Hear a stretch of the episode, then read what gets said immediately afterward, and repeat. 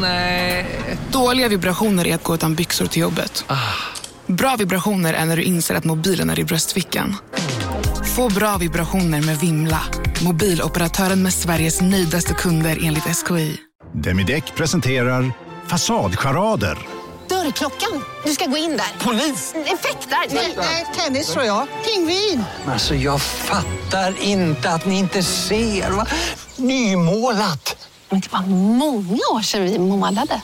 Demideckare målar gärna, men inte så ofta.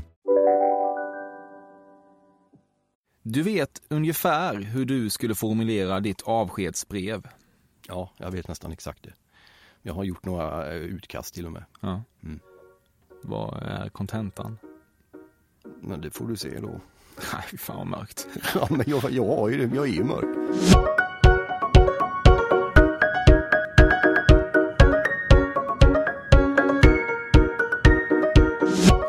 Där många journalister brinner för öppna frågor som låter sina intervjuobjekt tala till den så omåttligt populära punkten praktiserar vi i Cafés Fördomspodden en helt annan metodik som går ut på att jag rapar upp alla mina fördomar om och på min gäst som sedan får illa fäkta eller fly. Idag har jag bjudit in en person som många hört av sig och önskat, nämligen Marcus Birro. Vi har alltså att göra med en svensk-italiensk prisad författare, poet och skribent som klockar in på 46 år. Han växte upp i Göteborg och sögs tidigt in i missbruk, men kom ut på andra sidan och var extremt populär i mitten av 00-talet då han bland annat skrev en massa krönikor i Expressen och var Lennart Ekdals sidekick i Kvällsöppet i TV4. I och med sin stora kärlek till Serie A i allmänhet och Roma i synnerhet har han också synts i en massa fotbollsrelaterade sammanhang genom åren. När han 2011 meddelade att han ville bli partiledare för Kristdemokraterna sattes en karusell igång som gjorde att han förlorade vissa uppdrag.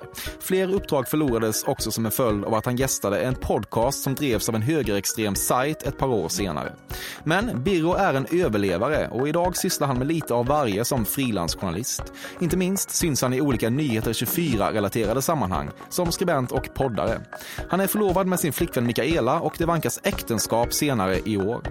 Detta är det 57 avsnittet av Fördomspodden och precis som i alla andra avsnitt heter jag Emil Persson.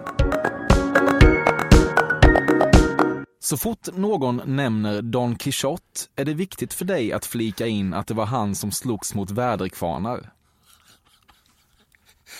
Ja, ja det, är helt, det är helt riktigt faktiskt. Ja. Ehm, oftast gör jag det på, på det så kallade Björn Ranelid-tempot som jag kallar det. Vet du vad det är? Nej. Det är när man sitter hos Malou och berömmer sin egen mening innan någon hinner säga det. Alltså i likhet med, du ska bära ditt barn som en droppe vatten och det där är bra sagt Malou. Alltså du vet att man innan någon hinner säga någonting. Så att i det här fallet så gör jag det gärna så snabbt som möjligt. Att Don Quixote, precis, det var han som slogs mot väderkvarnar. Och så ler jag lite och lutar mig tillbaka och så här, du vet med slutna Tänker du att det var bra sagt? Ja. Du har någon gång i dating-app-sammanhang råkat ut för vad du först trodde var en högintressant och attraktiv tjej, men som senare bara visade sig vara två yngre snubbar som drev med dig, Birogubben. Ja, det är säkert helt sant och troligt. Det är ju väldigt många människor som har ägnat ganska lång tid åt att eh, försöka driva med mig och eh, eftersom jag är ganska lättlurad så finns det stora möjligheter till det där. Min tid på datingappar dock varade ju bara under något kort dygn för några månader sedan. Eh, sen traskade jag snabbt ut därifrån för det var inte riktigt min värld. Men det är möjligt att de under de timmarna han göra det, ja. Det Ja. skulle inte förvåna mig ett dugg faktiskt. Men ingen som avslöjade sig då? Nej, det gick ju aldrig så långt att det blev möjlighet att avslöja det då eftersom jag hoppade ur den där världen efter bara 48 timmar tror jag det var. Det var inte min grej riktigt. När du får höra om den berömda meningen i Kerstin Geselius DN-recension av filmen The Killing of a Sacred Deer, den som lyder citat klangrummet, det psykologiska, är borttaget, slut citat, tänker du att det där är skarp meningsbyggnation? Nej, verkligen inte. Jag tänker att där har du en av anledningarna till varför jag aldrig någonsin trots patetiska eh, gråtorger och motsatsen eh, kommer att hamna i närheten av någon form av kulturelit. Det där är precis en av anledningarna till varför jag tyckte det var kul att börja ge ut dikter och uppträda och skriva böcker och härja som mest i början av 90-talet. Just den där typen av recension när folk du vet med akademisk utbildning ska sätta sig på sina jävla höga hästar på kultursidorna och berätta om vilka fina akademiska poäng de just tagit och ska distansera sig från vanligt folks uppfattningar om konstnärliga upplevelser. Det, det finns få saker som fortfarande retar mig så mycket som den här skiten. Alltså. Ja. Så det är pretentiös meningsbyggnation Nej, men pretension, det är en annan sak. Pretensioner är som Jocke Berg Kent säger. Pretensioner måste man ju ha. Jag älskar ju pretentiöst. Men det där är inte pretentiöst. Det där är bara elitism. Ja. Det är en jävla skillnad. Mm. Du är helt övertygad om att du utsätts för broöppning lite oftare än alla andra. Ja, ja det är helt sant faktiskt. Eh, man kan ju överföra den teorin till tågförseningar också. Under tiden jag bodde i Norrköping, då var jag ju otroligt drabbad.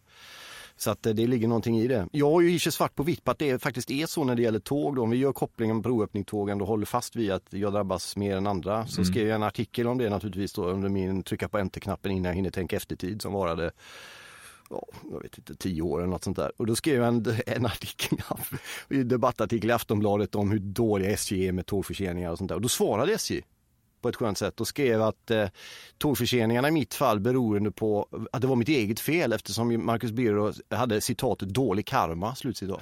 okay, ja, Vilket då betyder att man var sten på rälsen i sitt förra liv. Liksom. Så att eh, ja, jo, broöppningarna är, de är, det är en provokation mot mig just. Dina persienner är nere medan vi pratar.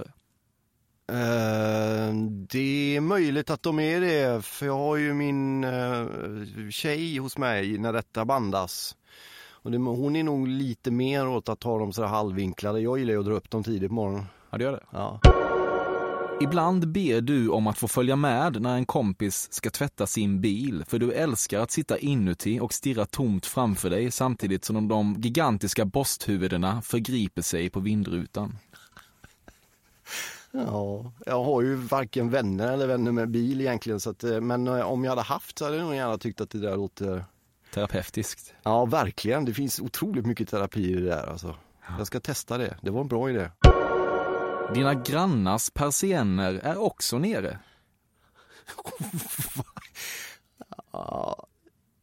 det skulle ju då insinuera att man står på ett närmast sånt där 90-talsaktigt sätt och blänger surt över till grannarna för att kunna notera att de har persiennerna nere. Jag har ju lite andra, jag att man bor i någon slags tjacklänga bara där. Ah, du tänker så ja, okay.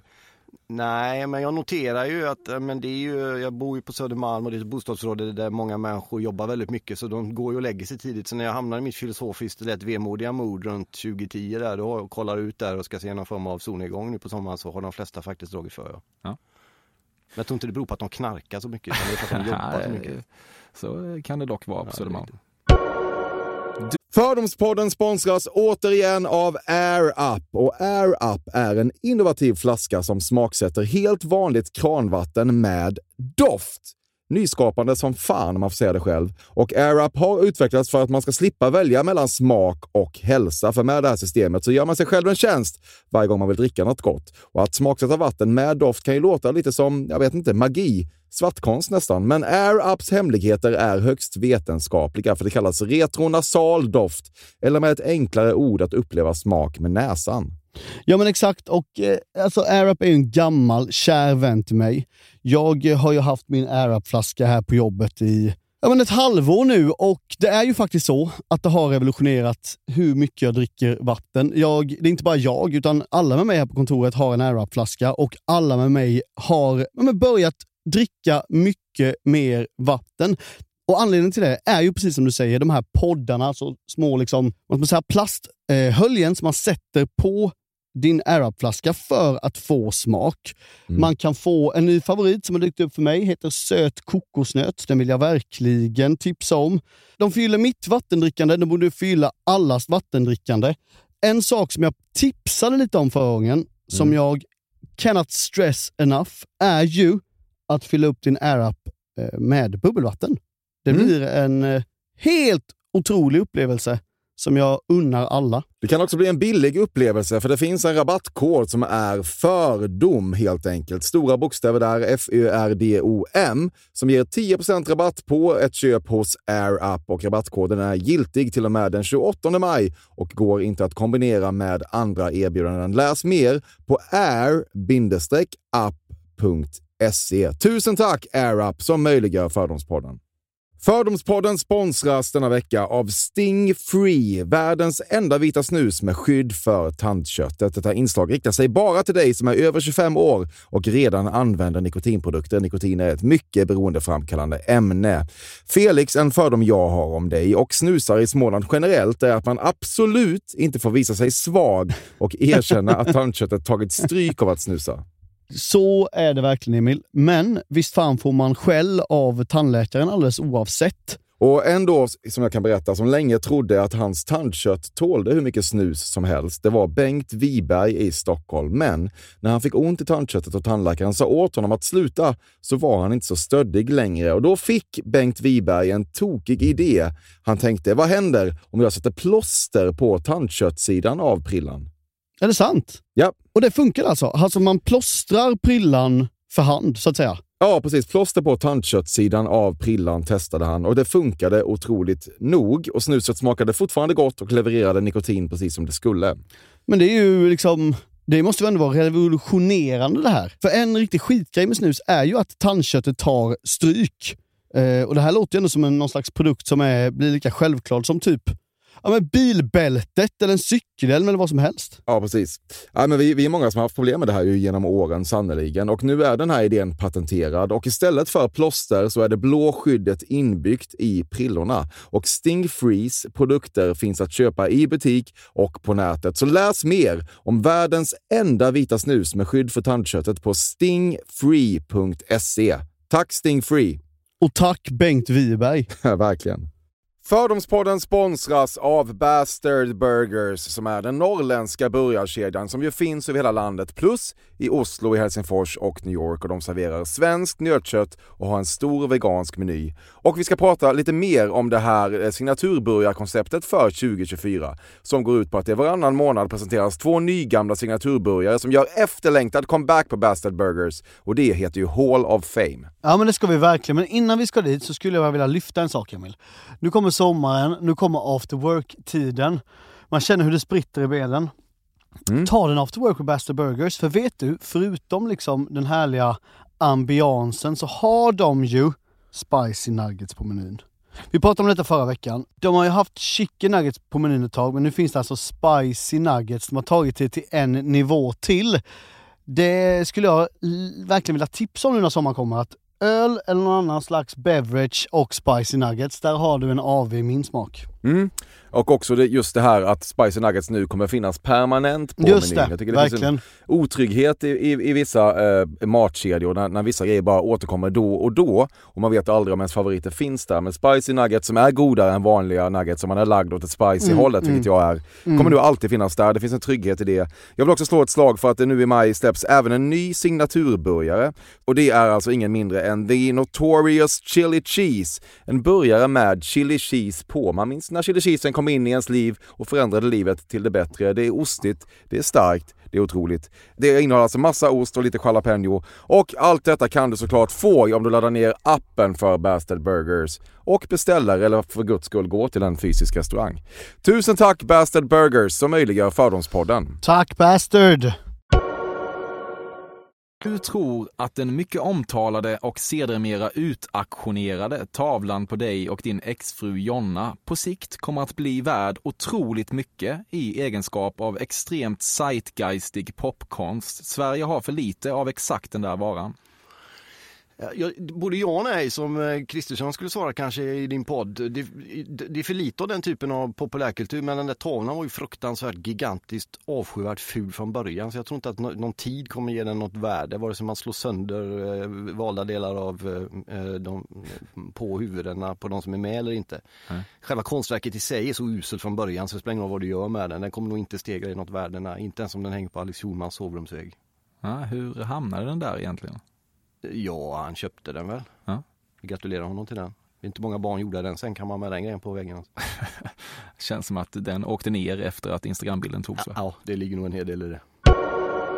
Även när det klart och tydligt står utskrivet tomat och mozzarellasallad på menyn på en svensk restaurang säger du till servitören att du vill, att du vill beställa citat en caprese, slut citat.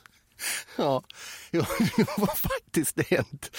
Exakt ordagrant det där. Ja, det är riktigt. För det är, ja. caprese-sallad är, det är en helt annan grej än, än eh, det, det, är ju den italienska benämningen på det och då får du in en annan, alltså grön, vit, röd, liksom du vet, ja. grej i det. Det är riktigt. Det har faktiskt förekommit. Ja.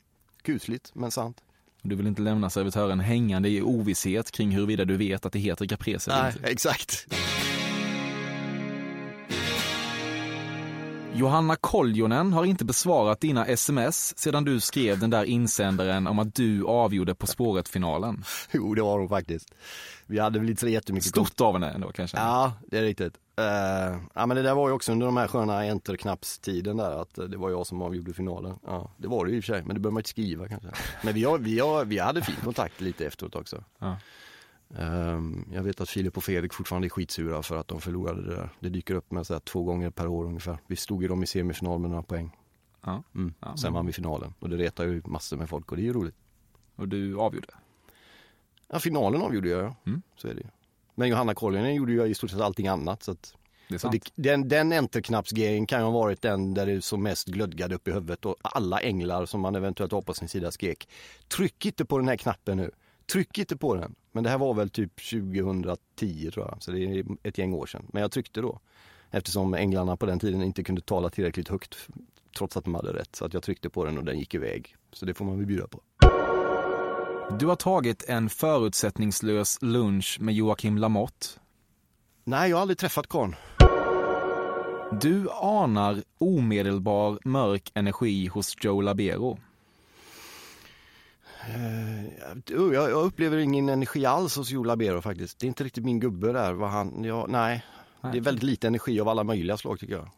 Och ingen mörk? Nej, det är mer pälskrage, limousin och trolla bort tigrar och grejer. Det är inte min värld alls. Ingen mörkt alls. Hade haft det låter ju energi. supermörkt det du beskriver. Vad sa du? Det låter ju supermörkt. Nej, det låter tråkigt tycker jag. Med. Ja. Hade han haft mörk energi tror jag att jag hade dragits med till honom.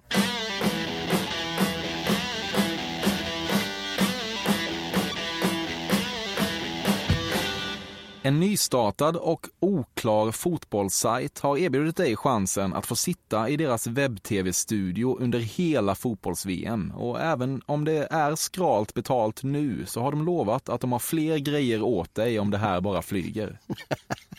ja, det är lite så två år efter, för det, så där lät det ju för två år sedan ungefär. Okay. Du, du, kan få skriva om det men du får inte betalt. Nu får jag ju betalt för det jag gör, så jag, skulle, jag tror inte jag skulle sätta mig där. Jo, jag skulle ha satt mig i den om Italien hade varit med.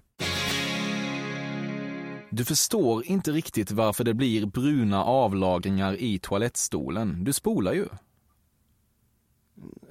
Nej, jag vet nog vad det beror på. Däremot har jag det är intressant med, med toalettstolar. Eh, på, på många, jag har en förbläss för sådana där, det är en gubbgrej möjligen. Kan höra med dig om det, om, om du har lust att in den, du vet den där doftgrejer som hänger ner. Mm. De gillar man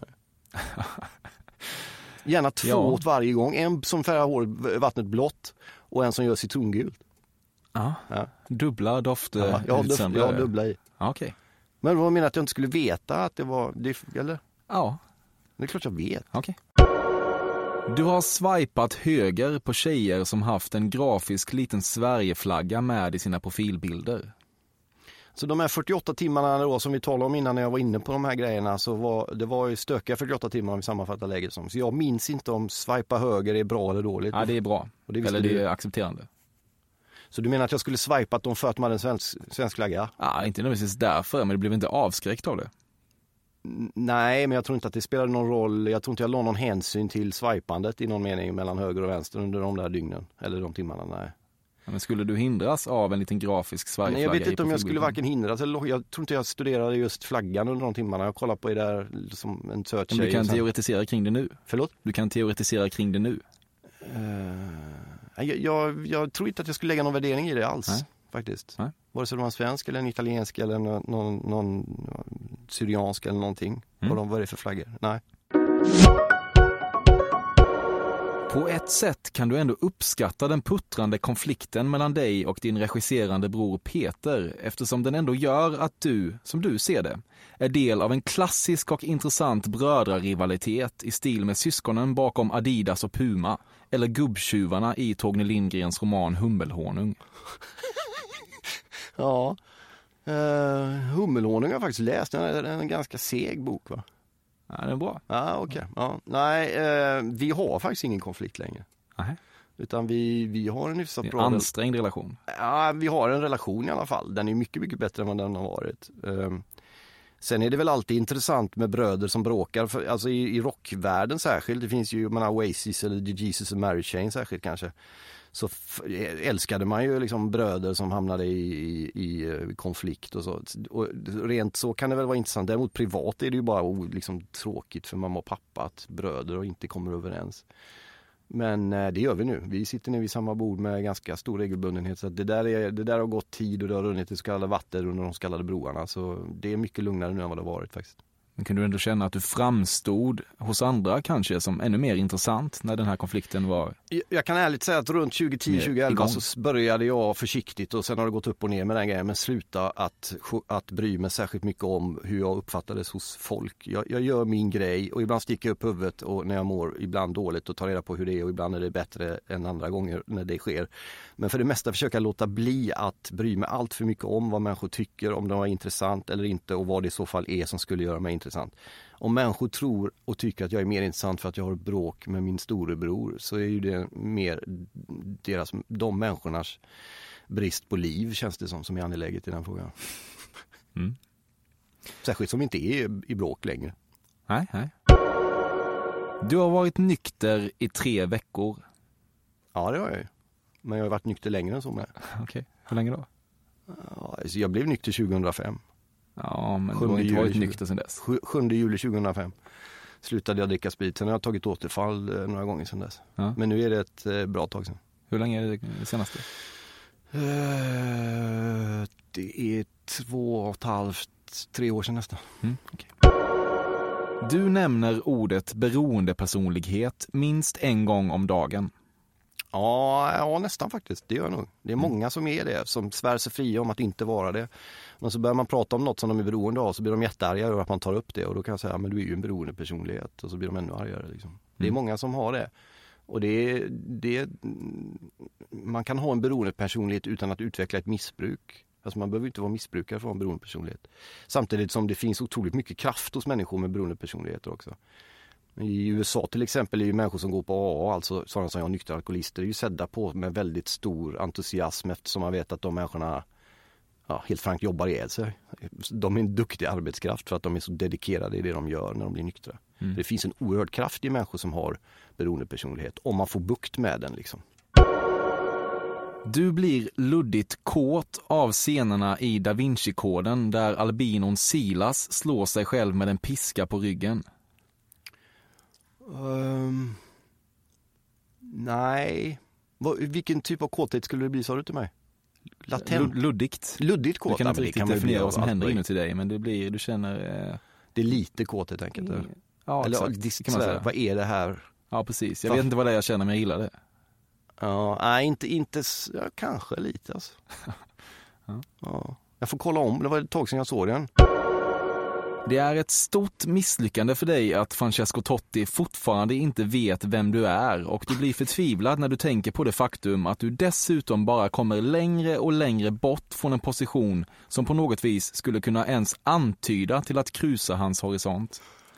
Uh, vacker formulerad uh, fråga, snedstreck konstaterande måste jag säga. Nej, jag har inga problem att Francesco Totti inte har en jävla aning om vem jag är. Det räcker gott att jag döpte min son efter honom och att jag vet vad han har betytt för mig och hur otroligt mycket han har betytt för väldigt många människor som älskar honom och det han står för och det han har gjort för, för oss genom att göra det han gjorde och det han står för för sitt lag. Genom att vara den fanbäraren. Jag har, jag har inte riktigt, jag är, inte, jag är lite för gammal för att ha det behovet att han skulle veta vem jag är. Det hade varit jättekul att träffa honom och krama honom och få skaka hans hand och ta en bild och stå bredvid i tio minuter men, men eh, jag har inga inga större ambitioner på att sätta ner någon fot i något vatten här uppe som skulle krusa hans horisont. Det, det spelar inte så stor roll. Bara jag kan få fortsätta skriva hur mycket jag älskar honom så skiter jag i om han bryr sig eller inte. Det betyder mer för mig tror jag, så att jag klarar mig. Det känns ändå som att det fanns en tid när ditt självförtroende stod på toppen då du ändå tänkte att det är fullt rimligt att Francisco Totti snart får veta vem jag är. Nej. Det, den, den bygger på en feluppfattning att mitt självförtroende skulle vara sämre nu för att jag inte skriver om fotboll Expressen typ. Är det så du tänker? Eller att men jag tänker att du väl generellt var ännu mer omtyckt för på något vis. Ja, du tänker så ja. Ja. ja okej. Men jag, återigen, det jag kopplat till, jag, jag kan inte leva mitt liv baserat på hur många som tycker om mig eller inte. Jag märker inte riktigt det eftersom jag inte riktigt har mitt huvud i det svallet utan jag försöker att jobba med det jag gör och sen hur många som gillar det eller inte eller hur mycket det märks det jag gör. Jag, jag, jag kan inte styra det ändå, då försöker jag lägga så lite energi som möjligt på det. Mm. Ehm, så att det räcker gott att, att jag vet vem Totte är och hur mycket han har betytt för mig. Du vet ungefär hur du skulle formulera ditt avskedsbrev. Ja, jag vet nästan exakt det. Jag har gjort några eh, utkast till och med. Ja. Mm. Vad är kontentan? Men det får du se då. Nej, fan vad mörkt. Ja, men jag, jag, har ju, jag är ju mörk. Ja, jo. Det är någon kombination av liksom, du vet, eh, Lill-Babs och Lars Forssell. Liksom. Ja. Hur pass suicidal har du varit då? Ah, det går i perioder, men det, nu är det ganska lite. Man ska inte, jag tror också att man ska vara väldigt varsam och försiktig med att prata om sånt när det finns människor som på allvar brottas dagligen med om de ska klättra upp på någon bro. Liksom. Mm. Men det är klart att det har funnits perioder i livet där man har rört sig i de riktningarna och jag är, jag är fascinerad, är ju ett ganska läskigt ord i sammanhanget, men jag dras till människor som lever nära den gränsen. Både sådana artister som gör sån musik, sådana dikter, romaner. Men också människor som lever sitt liv nära, nära den typen av gräns och nära mörkret om man då får bli lite pretentiös. Jag, jag, jag söker mig till sådana för jag, jag har mer utbyte av dem. Vid sidan av gitarristen Dregen är du den enda i Sverige som försökt bära en lagkaptensbindel som modeaccessoar. Vad kul för jag köpte en igår! Ja, det är helt sant, jag köpte en kaptensbindel igår, men till min son. Okej. Som ska ha den när vi tränar fotboll för han vill gärna vara eh, lagkapten och sen så turas de om i pojklaget. Så jag, jag har en sen igår i min ägo. Jaha. Men Dregen är ju tusen gånger sexigare och snyggare i, i sin, eller var i alla fall, än Ja. vad jag någonsin kommer bli. Så att jag, jag låter min son briljera med den. Och det var roligt. Du har någon gång gått till en Björn Hellberg-boksignering bara för att hålla honom sällskap. Alltså som författare och, och gett ut vad det nu är 20 böcker snart vid det här laget där, så har man ju varit med om signeringshelvetet. Till skillnad från Björn Hellberg så, så slutar ju de flesta eh, av oss med det. Eh, jag har inte gått till en, däremot så har jag ju sett den eftersom det räcker att röra sig vid, i något varuhus en någon lördag någon gång per år. Så ser man Björn Hellberg på flera utav bokaffärerna. Så jag har sett honom, jag har gått fram och hälsat till, på honom någon gång eftersom jag trodde att, vi kände, att han skulle känna igen för jag var med i något På spåret när han var med sista året också. Han hade ju ingen aning om vem jag var. Nej. Men han är ju skön för han pratar ju så med alla. Ja. Men eh, så svaret är ja. Du beskriver ofta dina ovänner som ormar. Nej, det var länge sedan va? Men du har gjort det? Ja, det är möjligt. Jag har nog skrivit konstigare saker än så. Strålskadade skalbaggar tror jag är det värsta jag skrivit. Okej, Mm. i vilket sammanhang då? Va? I vilket sammanhang gjorde du det? Det var när, eh, det var ju 20, det är ju 10-11 år sedan nu. Det var många som var väldigt eh, groteskt, tyckte att jag hade skrivit för mycket om de döda barn som jag och min dåvarande hustru hade varit med om att begrava. Och då kom det en del vidriga mejl och då svarade jag på ett vidrigt sätt tillbaks. Men alla de där striderna är ju, är ju över nu liksom. Det, är- det är länge sedan jag, jag slängde mig med sådana här begrepp. Strålskadade skalbaggar? Det är nästan för, liksom för formulerat för att eh, det förtar nästan ursinnet på något vis. Tror du övergör det där. Ja, det är möjligt. Men jag vill Folk ju känner både- att du är mer nöjd över formuleringen än vad du är arg. Ja, nu, ja, kanske. Men jag tror att på den tiden var det en kombination av det. Jag, jag är arg men jag ska också formulera mig snyggt för jag är bra på att formulera mig. Ja, fattar. Även om du tycker att det, har, det är färre som gillar mig. Nej, det är inte jag som tycker det är så bra. Ja, okej. det är sant i och för sig. Den enda gemensamma nämnaren mellan de krogar du besöker är att det alltid är dåligt ljusinsläpp. Kanske framförallt då på ditt stammishak Hirschenkeller på Hornsgatan. Jag är ju nykter sen flera år ska jag på Hirschenkeller och göra. Det är ju bara sprit du vet. Ja. Alltså det är ju bara fläckiga gamla träbänkar med utspullen, du vet, utspilld öl och sånt där. Jag Dåligt går väldigt ljusinsläpp. sällan på när jag söp däremot så gick jag på sådana hak. Ja. Jag älskar ju så Västerhus och den Gyllene Suggan och Klara och Sjuans ölhall i Göteborg och sunkiga Centralens pubbar och sånt där. Ja. Ju sunkigare det var ju och ju mindre ljusinsläpp. Men nu för tiden vill jag hellre gå på ställen som serverar bra mat och sådär. Du känner dig ungefär 65% säker på att du och din flickvän Mikaela håller ihop hela vägen fram till det planerade bröllopet senare i år.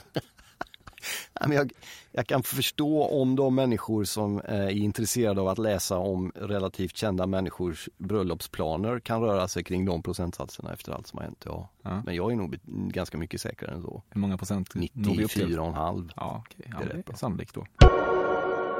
Du har befunnit dig på fester där det har heilats. Nej, gud nej. Vad tror du om mig egentligen?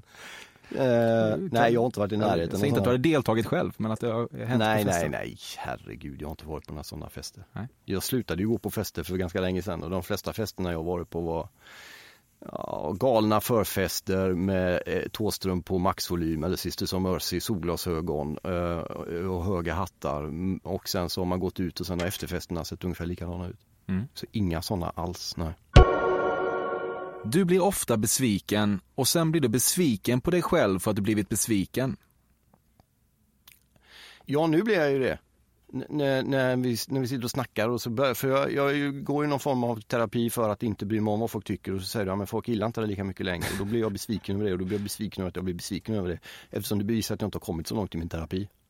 Men jag, jag menar inte det riktigt så. Jag Jo, menar men bara du, att du du, hade gör, en större, du sa ju det tre gånger och du har ju poäng i det. Men, du hade en större plattform för det måste man ändå kunna konstatera. Ja, absolut. Samtidigt som den mediala dramaturgin ändras ju på daglig basis. Så att ska, du vet, det kan, ska man ut från stora plattformar så är det hyfsat bra tid att göra det nu än 1992 till exempel. Mm. Nej, men där har du ett konkret exempel om vi ska vara ärliga då. Liksom, att Mm. Jag blir besviken för att jag blir besviken. För jag tänker att jag borde inte bli det. Du är orolig att dina barn fått något av det du har. Ja, verkligen. Alltså vemodet till att börja med. Att sitta som 17-åring och skriva dikter som slutar med nu lever jag i väntan på det förflutna. Det önskar man ju till sina barn. Liksom. Mm. Den sorgsenhet som jag har haft i mig från början och som jag har fått kriga och kämpa och haft med för att få ur mig. Önskar jag verkligen inte att de ska få med sig, så det är sant ja. Ibland kräks du lite i munnen när du med tung högerhand formulerar ännu en mening om Roms förträfflighet. Oj. Det har nog hänt faktiskt. Under tiden på Expressen var det rätt många sådana här Romguider alltså. Ja. Eh, Men då, nu, jag får fortfarande rätt många mail från folk som vill ha tips. Men nu har jag en standardmall som jag skickar. Liksom. Ja, Mm. Som jag byter ut något, något sådär. ja. Jag, att, go- jag ja. googlade dig när, eh, när jag skulle skriva i- introduktionen till det här avsnittet. Mm. Och eh, det första som kom upp är liksom en tre dagar gammal artikel där du direkt eh, beskriver hur fantastiskt det är att landa Ja men det i är Rom för att jag var i Rom. Ja, jag vet, men det är, ändå, det är mysigt ändå att det, att det, det pågår. Liksom. Ja nej, men den fördomen var ju rätt. Det, det, Mm. det pågår. Menar, Rom är ju, alltså när man blir äldre så blir det ju färre saker som är lika roligt, skönt, fint varje gång. Därför att man har gjort det redan. Mm. Men att komma till Rom eh, är lika fascinerande, fantastiskt och nytt varje gång. Och det, det är skithäftigt och det är kul att, bara, att försöka beskriva det utan att använda gå vilse i gränderna med flit igen. Liksom, utan Mm. hitta nya formuleringar. Så jag kommer fortsätta skriva om Rom eftersom Rom är världens bästa stad. Du har ett så kallat vanligt jobb i skymundan. Det är så du försörjer dig. Eh, nej, jag har haft Swish. Ja, du har Ja. blivit crowdfundad. Ja, kan man säga, till litterära projekt. Men också till, till det jag har skrivit som har varit välskrivna, hyfsat initierade artiklar på Facebook. Istället för att betala 20 spänn för en kvällstidning har folk lagt in en 10 eller 20 eller mer där. Men nu är det, det är ett tag sedan jag gjorde det och jag har slutat med det. Mm. Jag har massa olika vanliga jobb. Att skriva är ett vanligt jobb. Jag jobbar, nu har jag tre olika redaktioner jag sitter på på en arbetsdag.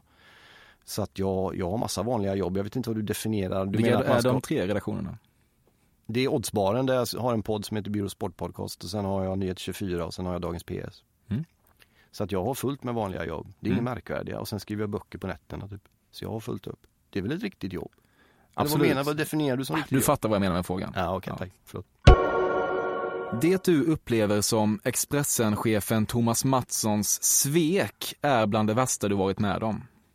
Nej, han har inte svikit mig för fem öre. Det var jag som klantade mig. Mm. Ja, jag, jag ser, det är möjligt att jag sa saker i den vevan för en fyra år sedan eller vad det var det hände.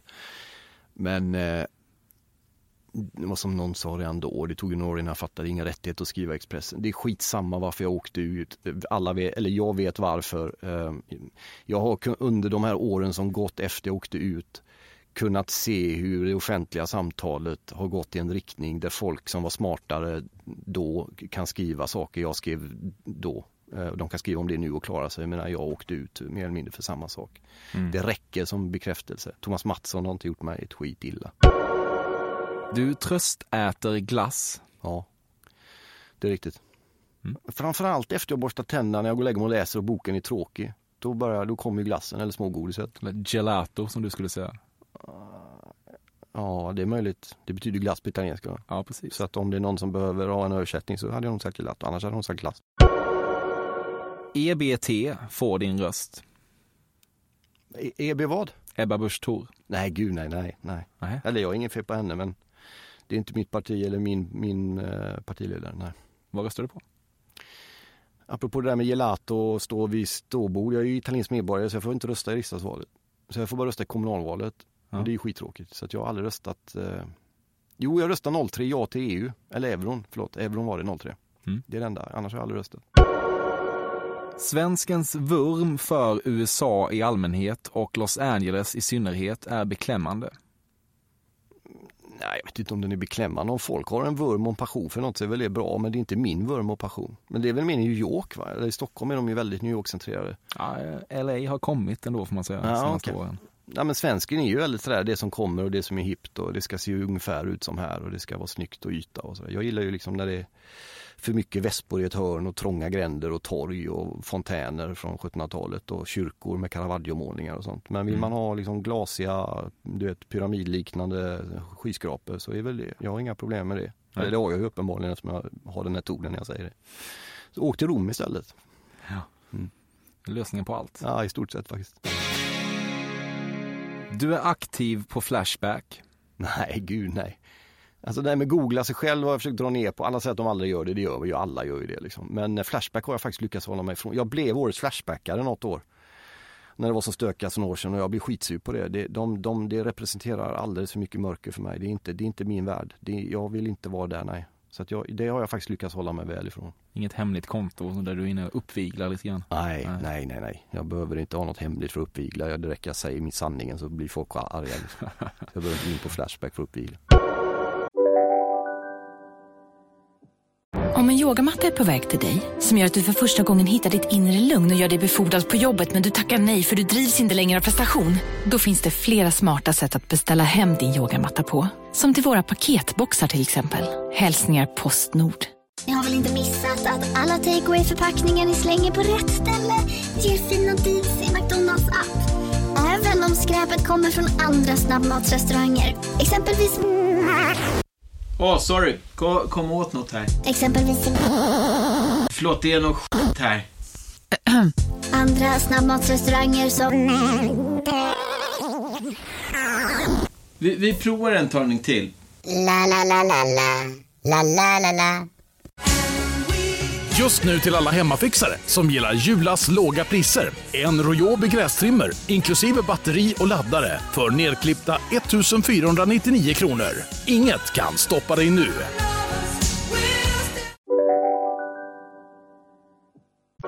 Du har ibland funderat på om du är lite elallergisk. Nej, nej, it's not a disease. Alltså, el, ja, nej, det har aldrig någonsin hänt. Jag har, så mycket el som möjligt, så nära som möjligt, jämt. Det är min tes. Mm. Däremot tycker jag det är roligt när de ringer Teppas och säger att de är elallergiker och vägrar lägga på. Mm. Det är kul, av någon, av någon anledning. Du minns inte ens livet innan du började kalla tidningen Gazzetta dello Sport för Gazettan.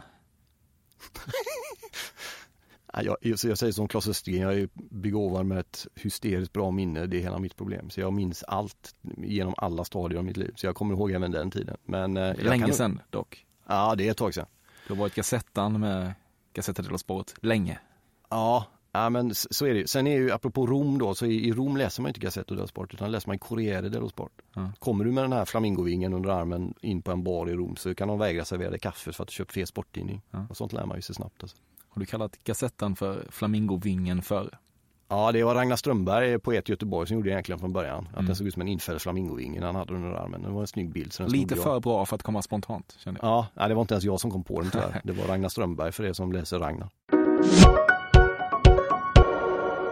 Du gillar helt enkelt att bli kraftigt dominerad i sängen.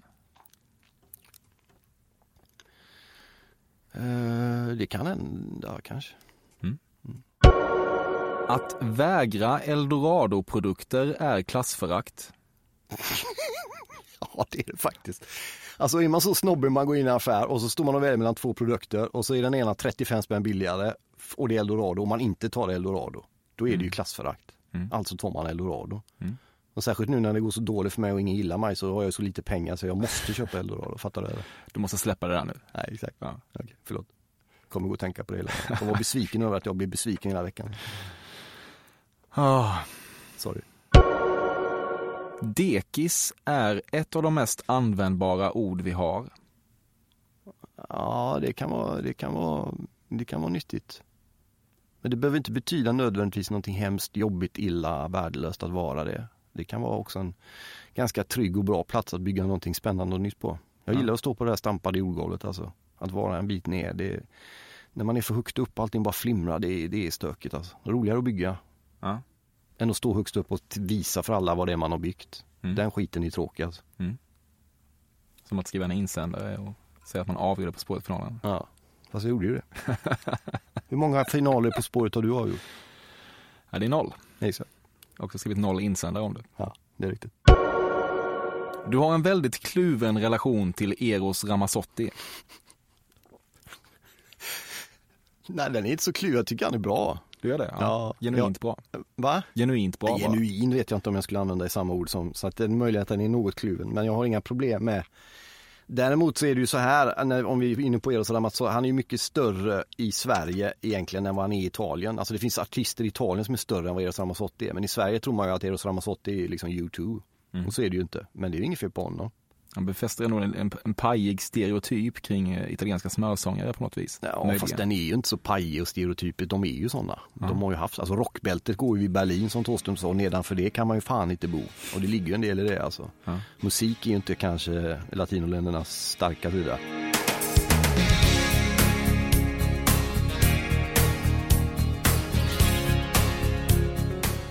En gång när du spelade golf och slog i vattnet gick du bara rakt ut för att hämta bollen. Det uppstod ett slags glitch i din hjärna som gjorde att du liksom missade terrängövergången från land till vatten. Plötsligt stod du där i vattenhindret med en ljusblå skjorta limmad mot ditt bröst och när du insåg vad du gjort började du skratta maniskt. Det var en vacker scen du målade upp och jag tror säkert det skulle kunna hända om jag spelade golf. Mm. Jag har aldrig hållit i en golfklubba i hela mitt liv. Jag har ingen aning om vad det där betyder ens, det du sa. Det är en skittråkig sport att kolla på. Den verkar säkert jättekul för de som är drivna av det. Det är inte min värld alls, jag har ingen aning, nej. Har du någon gång missat terrängövergången från land till vatten? Ja, oh ja.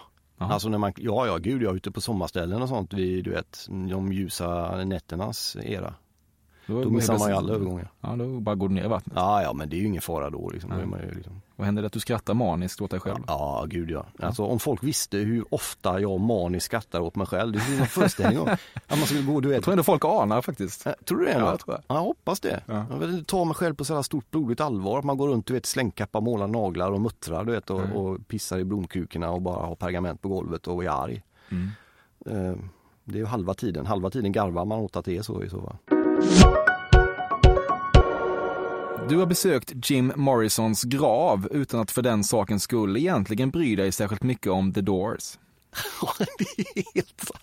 Visst Fan, visste sant? du det? Nej, jag vet vem du är. Ja, delvis. Ja, det är helt rätt.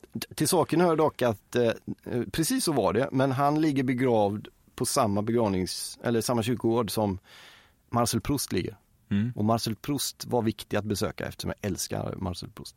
Mm. Och då låg Jim Morrison, du vet, ja, man följde haschstanken och det dåliga gitarrspelet en bit ner till höger så var han där och så gick vi dit också. Men det är helt riktigt. Doors var inte heller sådär min grej. Nej. This is the end, beautiful friend. This is the end, my only. Dina relationsargumentationer består i regel till 80% av att ni båda anklagar varandra för att vara manipulativa. Nej, det tycker jag inte. Det har nog varit kanske att det har hänt men inte så mycket nu för tiden är det, är det den typen av problem. Nej, gud nej. Svår, nej, konkret nej. Ja, ett hårt nej. Ja, ett hårt nej. Mm. Mm. Du säger ofta narrativ om handling. Nej, men jag har börjat, ny- sen jag jobbade på det här Dagens PS så har jag börjat lära mig mer och mer. Det är termer som kommer in mer och mer i samtiden. Ja. Så jag håller på att lära mig vad narrativ, vad narrativ är för något. Ja. Men jag är inte där än. Vilket du hörde över att jag stakar mig på ordet nu till och med. Ja. Mm, jag är på väg. Ja, men det är bra. Jag tror inte man ska vara en person som säger narrativ i allt för hög utsträckning. Nej, det kan nog ligga en del i det. Det är viktigt för dig att vara en person som uppskattar och pratar om skådespelaren Benicio del Toro. Nej, men alla gillar väl honom eller? Det är liksom, ja han är bra. Men jag vet inte om det är så viktigt för mig. Nej. Jag är ju Nej. ingen filmkille direkt liksom. Jag har ing... Ja, Hade du varit det så hade, du, eh, hade det varit viktigt för dig att prata om Benicio del Toro. Ja, kanske. Alltså min definition av en bra film det är ett radhus längst ut på en länga det spökar i och så Will Smith. Det är liksom det enda som behövs att det är en bra film för mig. Det räcker. Är det en kombination som existerar? Nej, men det kan vara två olika grejer. Ja. Så det är två olika typer av filmer jag gillar. Du provoceras av varumärket Barilla eftersom det får folk att tro att de står hemma i sina pursvenska kök och lagar relativt genuin italiensk cuisine. nej, nej, det är tvärtom. Alltså allting som kan få svensken att laga eh, medelmåttigt eh, Italieninfluerad mat är av godo alltså. Varje dag är en kamp för att hålla din inre latenta blottare i schack. Va? Nej, fan, jag har ingen läggning att gå och blotta med. Då är man ju sjuk på riktigt alltså. Nej, nej, jag vill inte, nej, nej. Aldrig, aldrig känt en ingivelse att Nej. flasha lite. Nej, inte ens under du vet de här åren när man somnade i rännstenar. Liksom. Nej. Det verkar ju helt värdelöst. Nej usch. Mm. Sluta med de grejerna. Alltså. Du har tagit en förutsättningslös lunch med den politiske vilden Rickard Wall. Eh, nej, jag vet inte vem, som, vem det är faktiskt. Nej. Vem är han? Vilket parti tillhör han? Han var före detta SD. Ja, naturligtvis. Nej, jag har inte ätit lunch på länge. Men Han som höll ett anförande om de tjusiga tiggarkvinnorna om du minns. Ja, eh, okej. Ja, det var ju helt värdelöst skandal. sagt. Ja, nej. Nej. Nej, SD är inte min grej riktigt heller. Nej. Du har ändå lunchat i den lådan så att säga. Vilken låda då? SD-lådan. Ja, jag har träffat folk som, som är SD, ja. Mm. ja absolut. Jag har ätit lunch med tusen vänsterpartister efter det. Jag är inte vänsterpartist heller. Nej. Man blir inte eh, smittad av andras politiska övertygelse för att man äter en lunch på 30 minuter med dem. Jag vill bara tipsa om det. Liksom. Man är inte den man äter med så att säga. Nej, definitivt inte. Nej. När du skriver en roman älskar du att plita ner idéer på post-it-lappar som du sen fäster på väggen ovanför ditt skrivbord. Det kaotiskt färgglada sammelsuriet av tankar får dig att känna dig sexigt excentrisk. Ja, det är helt riktigt. Det är riktigt. Det är en helt värdelös sä- sätt att organisera en roman på. Men eh, det är sexigt. Ja. Det är riktigt. Så att det är mer sexigt än bra kan man säga. Du skulle vilja vara sådär James Bondigt elegant när du tar på dig slipsen i faten på väg ut, men trots de tusentals knutar du gjort i livet måste du fortfarande stå framför spegeln och ofta blir det ändå inte rätt. Nej, det, det är helt riktigt. Fram tills, jag kan inte knyta en, en slipsknut. Så att jag har haft, när jag jobbade på TV4 och Club Calcio, italiensk fotbollsmagasin där, så hade jag Martin Åslund som knöt dem, för han kunde ju det. Sen, då såg han till att knyta dem på det sättet att man kunde öppna dem och knyta dem utan att öppna den, fattar du? Mm. Så att man kunde ta den över huvudet och knuten satt kvar. Mm. Man lossar bara lite grann. Ja exakt, så Mm. knuten precis som man drog upp den sen. Så, men det, det viktiga då var att den här korta flärpen på slipsen fortfarande inte skulle vara längre än den längre, än den längre då. Ehm, och det brast ju ibland. Jag önskar att jag var snyggare i kostym. Ja det är, det är däremot helt sant. Jag är inte speciellt snygg i något faktiskt. Okej. Du tycker rent generellt att bögeri är lite äckligt, men om Paolo Maldini vill klyva dig så får han. Jag har aldrig tyckt att homosexualitet är äckligt i någon mening, någon gång, i någon form överhuvudtaget. Det, en del av varför, jag var ju, apropå att vara populär, jag var ganska populär i den så kallade kristenheten under en period också. Och en anledning till att jag åkte ut därifrån var två. Det var dels att jag skilde mig, då fick de panik och att jag, att jag hade problem med hur kristna ser, vissa kristna ska jag säga, inte alla, men vissa kristna ser på, på homosexualitet. Det var fruktansvärt tröttande att höra den typen av förlegade grejer på, på, sexuell, på det sexualområdet. Mm. Så att jag har, jag har aldrig haft, sen, sen har det ju liksom det här brunkleteriet som jag då kanske varit dålig på att svara mot, har liksom fört med sig att folk har fått för sig att jag skulle ha det. Men eh, det har jag inte. Däremot så tror jag inte att jag skulle vilja ligga med Paolo Maldini om det var det du menar med klyvandet där på ett skönt Ja, sätt. så menar du. Ja, Den gamla fotbollshjälten kan vi ja flika kan vi säga för de som inte, men han är ju extremt snygg. Mm. Så att Du han- älskar väl ändå allt han eh, står för? Han, han representerar otroligt mycket av det som jag, som jag står för. Men det behöver inte betyda, jag behöver inte ligga med alla Nej, som jag det förstår jag. Va? Ja, nej, det, Vare sig det är det- män eller kvinnor. Nej, det vet jag. Men jag har verkligen inga problem. Alltså hade jag varit bi eller homosexuell hade jag nog gärna velat ligga med Paolo Maldini. Ja. Mm. Så kan man säga. Matthew McConaugheys citat i sista avsnittet av True Detectives första säsong, Time is a flat circle, fick dig verkligen att tänka. Someone once told me time is a flat circle. Nej, jag har aldrig hört det innan. Jag vet, jag vet vad det är för serie, men jag, har inte, jag följer nästan inga serier. Men det var ett väldigt bra, det var ett väldigt bra citat. Så jag kommer nog fundera på det nu. Ja. Bra, och sant dessutom. Ja. Ja, på, på vilket sätt är det sant? Utveckla nu ändå. Hur, hur är tid en platt cirkel? Du kan gå in och stampa i den. Du kan gå in och förändra den trots att den rör sig i en rikt, liksom runt. Du får en känsla av att den är på väg åt ett håll men den går egentligen bara runt och du ser det för den är platt. Fattar du? Nej. Ja, okej. Ja, eh, Marcus Birro, det innebär att vi är klara med din medverkan i Fördomspodden. Är det klart redan? Mm. Ja, okej. Det är så vi har faktiskt dragit över tiden. Ja, okej. Eh, Du skulle varit härifrån för en kvart sedan. Oj då. Ja. Men eh, hur känns det? Sa han och tog ett klunk vatten. Det känns bra. Ja. Det känns helt okej faktiskt. Vad säger du om eh, den här bilden jag målar upp av dig? Ja, delvis är det ju korrekt och delvis är det ju sånt man vet att flagga runt. Eh, Sånt som viftas och, och sådär. Mm. Men eh, så det var, det var kul. Och mycket av de där grejerna måste man kunna liksom bjuda på också.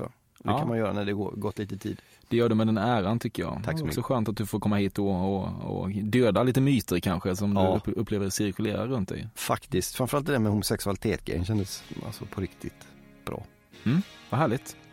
Eh, tusen tack och eh, lycka till framöver Marcus. Tack så jättemycket för att jag fick komma.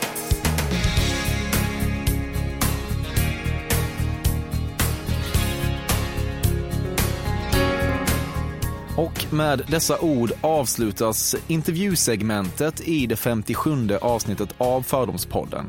Eh, många har som sagt önskat Marcus Birro som gäst och det har man då gjort på emil.perssonatcafe.se. Man kan alltid höra av sig dit om man har någonting att framföra.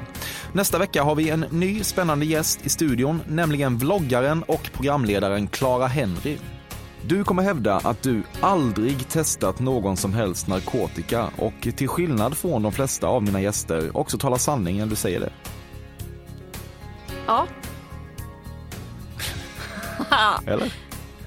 Ser lurig ut. Du får eh, förlora på den vidare då. Aha, okay. Tack till Carl Björkegren för vignettmusiken, men mer än någonting annat, tack till alla som lyssnar och möjliggör den här podcasten. Jag är så tacksam över att ni finns. Puss! Come è cominciata io non saprei, la storia infinita con te, che sei diventata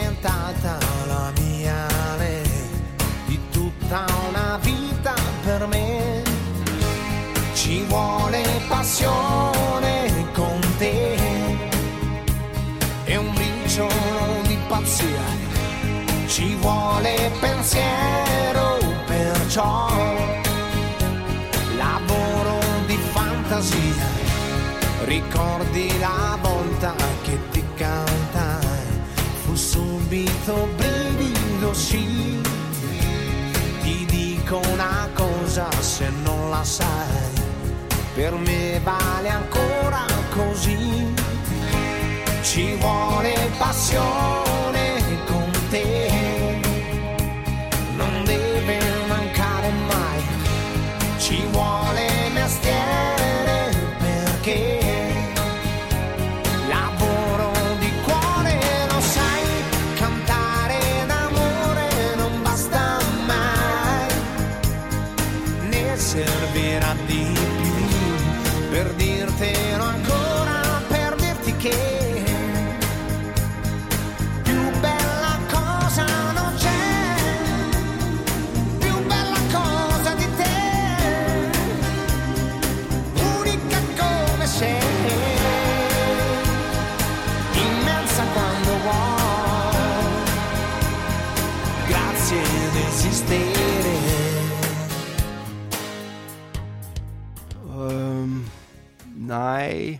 vilken typ av kåthet skulle det bli sa du till mig?